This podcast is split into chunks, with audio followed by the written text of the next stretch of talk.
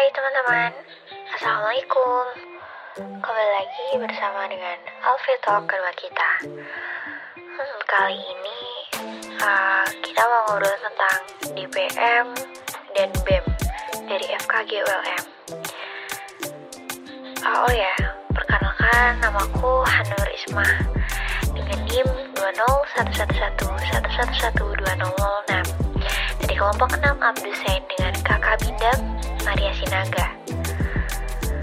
Uh, ya udah, langsung aja kita ngobrol tentang DPM dan BEM. Jadi untuk kalian yang belum tahu, uh, DPM tuh kalau kita saat masa-masa sekolah tuh ya, itu tuh sama aja kayak MPK atau majelis permusyawaratan kelas. Nah, kalau di kampus itu tuh namanya DPM. Adalah Dewan Perwakilan Mahasiswa.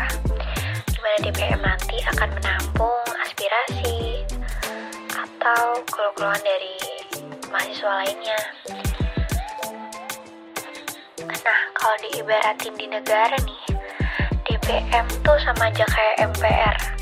Di mana sifat DPM tuh ya kayak mengawasi atau uh, mengontrol dari BEM dan BSO. Jadi BEM itu kalau di SMA itu namanya OSIS.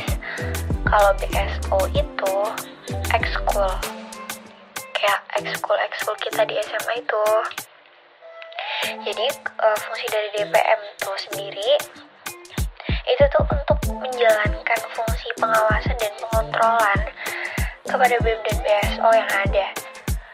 Jadi uh, kalau suatu negara lagi nih, DPM itu sebagai MPR-nya, di mana si BEM dan BSO tadi itu sebagai presiden yang diawasi oleh MPR atau tadi yang kita ibaratkan MPR adalah DPM. Nah, gitu deh teman-teman. Terus untuk DPM itu terbagi menjadi lima komisi. Komisi pertama adalah komisi legislasi uh, dan pengawasan. Uh, jadi proker dari komisi satu itu adalah seperti MUBES, BPMU, ada yang SOP LKM, LPJBM, um, terus ada juga komisi keduanya, yaitu komisi litbang, di mana dia melaksanakan penelitian dan pengembangan. Selanjutnya ada komisi tiga yaitu komisi aspirasi, di mana komisi aspirasi dari mahasiswa tentunya. Dan proker-prokernya itu seperti KPU, ada yang Bawaslu, dan bekerja sama dengan Kastrat.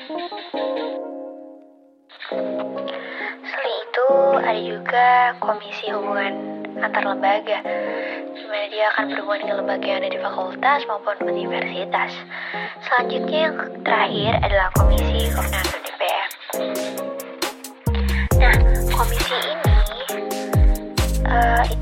yang mengurus adanya Instagram yang menyusun-nyusun seperti itu, kemudian melakukan upgrading, ya pokoknya uh, yang selain tugas yang udah disebutin deh. uh, Oke, okay, setelah DPM kita beralih ke BEM atau Badan Eksekutif Mahasiswa.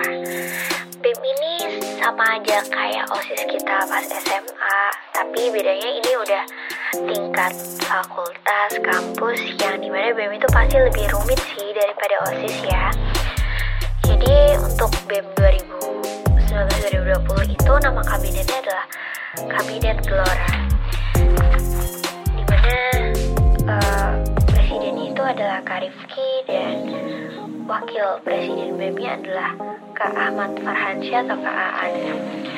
Untuk departemen-departemennya nih uh, banyak deh departemennya. Ada departemen interna, ada departemen PSDM, ada departemen Pengmas, ada eksterna, ada interna, ada infokom, ada kantrat, ada biro litbang, ada biro Intinya banyak deh departemen dan bironya.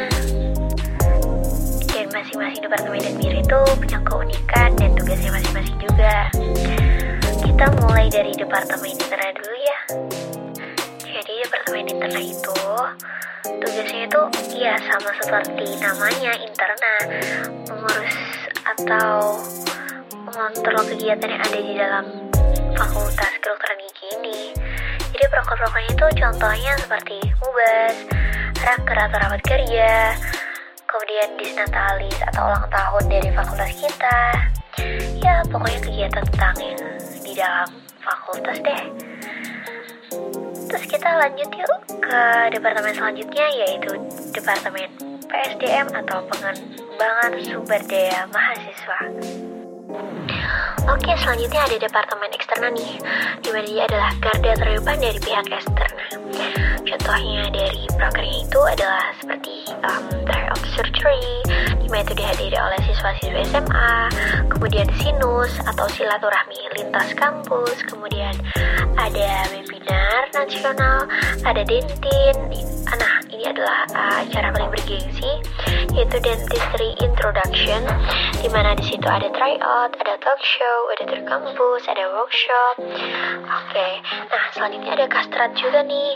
Kastrat uh, proker-prokernya apa aja sih? Ada dance for, ada kajian, nah seperti itu deh. Pokoknya dia juga uh, termasuk menampung aspirasi dari mahasiswa. Kemudian selanjutnya ada infokom juga, di mana pasti sama aja kayak namanya, in, departemen infokom ini uh, akan memberikan informasi yang ada di fakultas ataupun di kampus nih untuk disebarkan ke seluruh mahasiswa-siswi yang ada di FKG ULM. Oke, selanjutnya adalah Biro Litbang, uh, di mana biro ini membahas mengenai penelitian dan pengembangan. Di mana contoh dari proker-prokernya itu ada kajian organisasi, ada peraturan BEM dan SOP di mana mereka yang mengatur itu, kemudian uh, mengurus adanya SKKM seperti itu. Kemudian yang terakhir ada danus atau dana dan usaha. Nah ini nih adalah divisi yang penghasil uh, dana untuk organisasi atau untuk BEM sendiri. Jadi mereka sudah punya usaha sendiri untuk mengembangkan dana yang ada.